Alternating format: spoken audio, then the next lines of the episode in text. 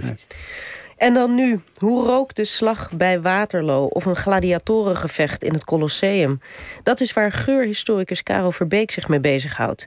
Ze wijdt haar onderzoek aan het reconstrueren van geuren die kunnen werken als een soort tijdmachine naar het verleden. Afgelopen dinsdag promoveerde ze aan de Vrije Universiteit van Amsterdam op haar proefschrift Ruiken aan de tijd. Caro, welkom. Hartelijk dank. Uh, ja, rook je als klein meisje al aan van alles? Was je altijd al gevoelig voor geuren? Ik was niet heel bewust bezig met geuren. Maar het bijzondere is natuurlijk, uh, wij denken vaak, uh, de mensen in de 21ste eeuw, dat de reuk voor ons niet meer zo belangrijk is. Want we ruiken niet bewust en we geven er geen woorden aan. Maar geuren beïnvloeden ons op een onbewust niveau de hele tijd, zelfs tijdens onze slaap.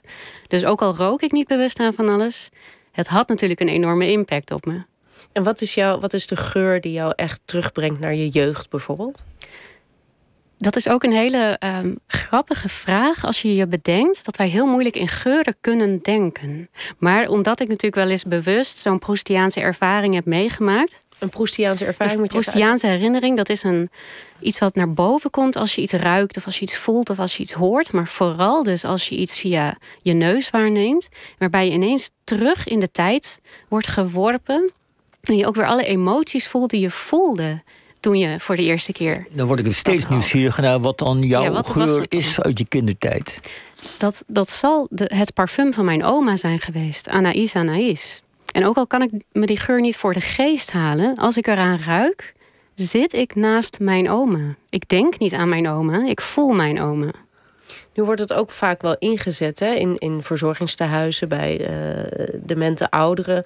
Om ze inderdaad een, een, gevoel van thuis te geven. Of, uh, uh, maar wordt het op andere plekken ook ingezet? Of, of is het eigenlijk gewoon voor de rest een onderschat zintuig? Het wordt um, door veel mensen wel onderschat, maar het wordt toch al steeds vaker ingezet, inderdaad in verzorgingstehuizen, in ziekenhuizen en in musea. Als erfgoed. En historische geuren die dan een relatie aangaan met de, de kunstwerken uit de collectie, die kunnen een heel ander verhaal vertellen. En mensen op een heel andere manier zich laten relateren aan de geschiedenis en aan voorwerpen. Maar we hebben het nu over, net over bejaarden die via geur terugkomen in vroeger. Maar als je naar de geschiedenis gaat en verder teruggaat, ja, kan geur je ook brengen waar je nooit geweest bent als mens? Dus bijvoorbeeld 300 jaar terug? Dat kan, kan dat? ook. En ja. hoe dan? Hoe werkt dat dan? Dat werkt. Um, nou, jullie kennen vast uh, de term historische sensatie van Johan Huizinga. Dat je je heel sterk verbonden kan voelen aan het verleden. Dus stel je hebt een bepaalde geur, en ik heb net een geur uitgedeeld. Moeten we ja. daar even aan gaan ruiken? Of, uh... Ja, het zijn er twee. Dus dan vraag ik jullie aan de geur te ruiken die een beetje die aardse ondertoon heeft. Ja, dan, dan, vraag je wat, maar hoe zie ik dat? Want ik ruik twee sterke geuren en voor mij zijn ze allebei even onprettig. Doet één aan een manege denken. Ja, ik heb hem. Neem de manege. Jos heeft geen goede neus, dat is duidelijk. Oké, okay, de manege. Ik vind het de manege ook trouwens. Ja. ja. Kijk, en nu? Dat, dat is misschien gewoon een manege als je er niks bij zegt. Maar als je voor een gigantisch schilderij staat... met daarop afgebeeld de slag bij Waterloo en je ruikt tegelijk aan deze compositie, dan zal jouw blik naar hele andere delen van die compositie gaan. En als iemand erbij zegt: het rook toen ongeveer zo, dan voel je je veel sterker verbonden met die omstandigheden toen. Dat hebben we onderzocht. We hebben mensen gevraagd wat er gebeurde als ze roken en tegelijk keken. Hebben gedrag geobserveerd. Mensen bleven veel langer bij dat schilderij staan. Mensen gingen veel meer praten. Sommigen zagen het schilderij zelfs in beweging komen. En mensen gingen zich realiseren: hé, hey, wij denken vaak over de geschiedenis nog wel in visuele termen, in taal natuurlijk, maar niet zo vaak in termen van geuren. En geuren die speelden gewoon tijdens oorlogen een ontzettend belangrijke rol. Want, want je hebt het nu over aarde en een beetje die manegelucht. Hoe moet het nog meer hebben geroken bij de slag bij Waterloo? Buskruid natuurlijk. Al dat leer van de hoofdstellen, van de laarzen. We weten dat het uh, heel slecht weer was die dag. Dus je ruikt een beetje zompige, natte aarde. En we weten welk parfum Napoleon droeg op die dag. Dat droeg hij namelijk iedere dag, jarenlang. Dat is die frisse noot die daar helemaal bovenop zit. Dus je hebt dat aardse, dat duistere daaronder. Angstzweet ook natuurlijk. En daarboven zit iets wat we nu Eau de Cologne 4711 zouden noemen. Wat Dus onze is- oma's droegen. Ah, ja, ja, ja. Oh, dus Napoleon droeg een parfum wat, wat, ook, wat onze oma's ook lekker vonden. Ja, het heette toen alleen nog Aqua Mirabilis en was niet een parfum in de zin zoals we dat nu gebruiken, esthetisch. Het was iets om wonden mee te verzorgen, om je te verfrissen, om je, om je energiek te voelen. Dus om die reden gebruikte Napoleon die geurstof. Ja, nu zit ik te denken, want ik, stel je voor, je staat voor dat ding, de slag bij Waterloo, eh, Waterloo die trouwens nu op ons scherm is afgebeeld, dus iedereen die op de computer meekijkt, even kijken. Sorry, heb je nog andere voorbeelden bijvoorbeeld? Van, want ik, ik, ik ben ineens om, ik ruik nu ook paardengeur en, en kan me voorstellen, hoe, stel je voor, je staat bij de guillotine. Wat voor geurtjes ga je dan? Eh, de Franse revolutie. eh, wat, wat zou je dan doen om ons dat indringen? Want het maakt alles veel indringender, kennelijk. Het maakt alles veel indringender. Ehm, we hebben ook wel bewust, moet ik zeggen, bij deze geur van de slag bij Waterloo niet rottende lijken gebruikt. Omdat mensen. Je, kijk, je kan niet nadenken over geur, je kan geen afstand nemen. Je zou direct wegvluchten. En je angstig voelen, misschien zelfs overgeven.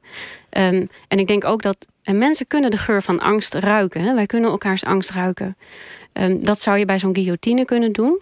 Maar een ander mooi voorbeeld, dat is een geur die de functie van objecten kan verduidelijken. En dat is die andere geurstof die ik u net heb gegeven. Kruidnagel ruik ik? Heel Oh, goed. ja. ja. Al die hele we ruiken warme allemaal kruiden. kruidnagel, dat ruiken we. Ja, Ja, wel, ja. Ja, Kaneel. vertel, wat, Ja, maar jij had het niet bedacht, denk ik. Nee, Maar goed, jij, ja? ik ruik het omdat Ja. Laura het zegt. Dit Ja, is eh, een reconstructie van een 16e eeuws recept uit een secreetboek voor een pomander. En een pomander, dat was een metalen sieraad, vaak van eh, zilver of goud, bolvormig. Dat hing aan een ketting, er zaten allemaal geurstoffen in. En die kon je dan naar wens, naar gelieven, naar de neus brengen om onwelriekende luchten te overstemmen. En dat komt natuurlijk omdat in die tijd zitten we nog in, de, in, in, in het denken qua gezondheidszorg dat eh, slechte lucht ziekten voortbrengt. De pest zou voortgebracht zijn door slechte lucht. Dus vandaar dit dingetje. Zou het een idee zijn om nu bijvoorbeeld een nieuwe geurparfum op de lijn te brengen? Een soort stinkparfum, door die, wa- waardoor je zo stinkt dat iedereen die anderhalve meter vanzelf in acht neemt? Ja, ik denk dat dat iets is wat Peter de Cupere, de geurkunstenaar uit België, misschien al heeft gedaan. Eh, maar wat mij wel heel erg opviel, was dat aan het begin van deze pandemie er ineens heel veel eau de cologne werd gebruikt. Veel meer dan gebruikelijk. Dat ontsmet natuurlijk door de alcohol. Maar eh, die geur geeft ook het idee van een schone lucht. Het maakt de lucht waarneembaar. En die miasma-theorie waar u het net over had, is wel belangrijk om te noemen, omdat het een fundamenteel andere kijk op geur weergeeft. Als je inderdaad denkt dat stank ziekte kan eh, verspreiden, dan is iets ruiken wat je onprettig vindt iets heel anders. Hè, als, als je ervan dood kunt gaan, dan wanneer je het gewoon esthetisch wat onprettig vindt. Wezenlijk anders. En, en nu, nu had je het net over dat geuren ook kunnen, eh, kunnen afstoten. Ehm, dus is het ook eh, dat je bij sommige, als je, als je mensen bijvoorbeeld de middeleeuwen eh, dichterbij wil brengen, hè? dat je dus niet zegt die gekke middeleeuwers, maar dat je eigenlijk je onderdeel voelt van, van die periode. Moet je dan ook bepaalde geuren weglaten om inderdaad die verbinding wel te kunnen maken? Zodra je geuren op een meer intellectuele, analytische eh, manier benadert en er een goed verhaal bij vertelt, dan zul je je aanvankelijke aversie wel kunnen overwinnen. Het is wel je eerste reactie, altijd. Plato zei dat al, je kan geuren alleen omschrijven als vies of lekker. Dat is je eerste reactie. Is nog steeds zo in de westerse wereld. Maar als je erover leert te praten, als je er woorden voor leert te geven, dan verdwijnt die aversie omdat je het met een ander deel van je brein kan verwerken. En het is waar dat sommige geuren die in de middeleeuwen als de meest hoogstaande parfums werden beschouwd, dat wij die nu afschuwelijk vinden ruiken. Ja. Dat is cultureel bepaald. Nu, nu is het zo dat, dat waar historici al, al nou eigenlijk zolang het vak bestaat met elkaar over worstelen is.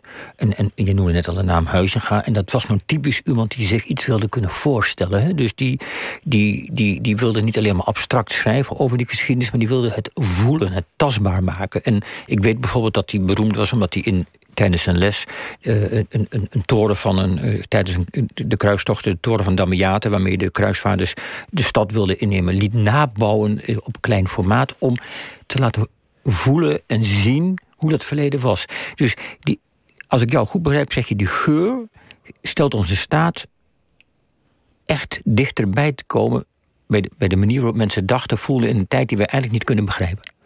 Ja, dus die historische sensatie, dat is iets wat wel optreedt.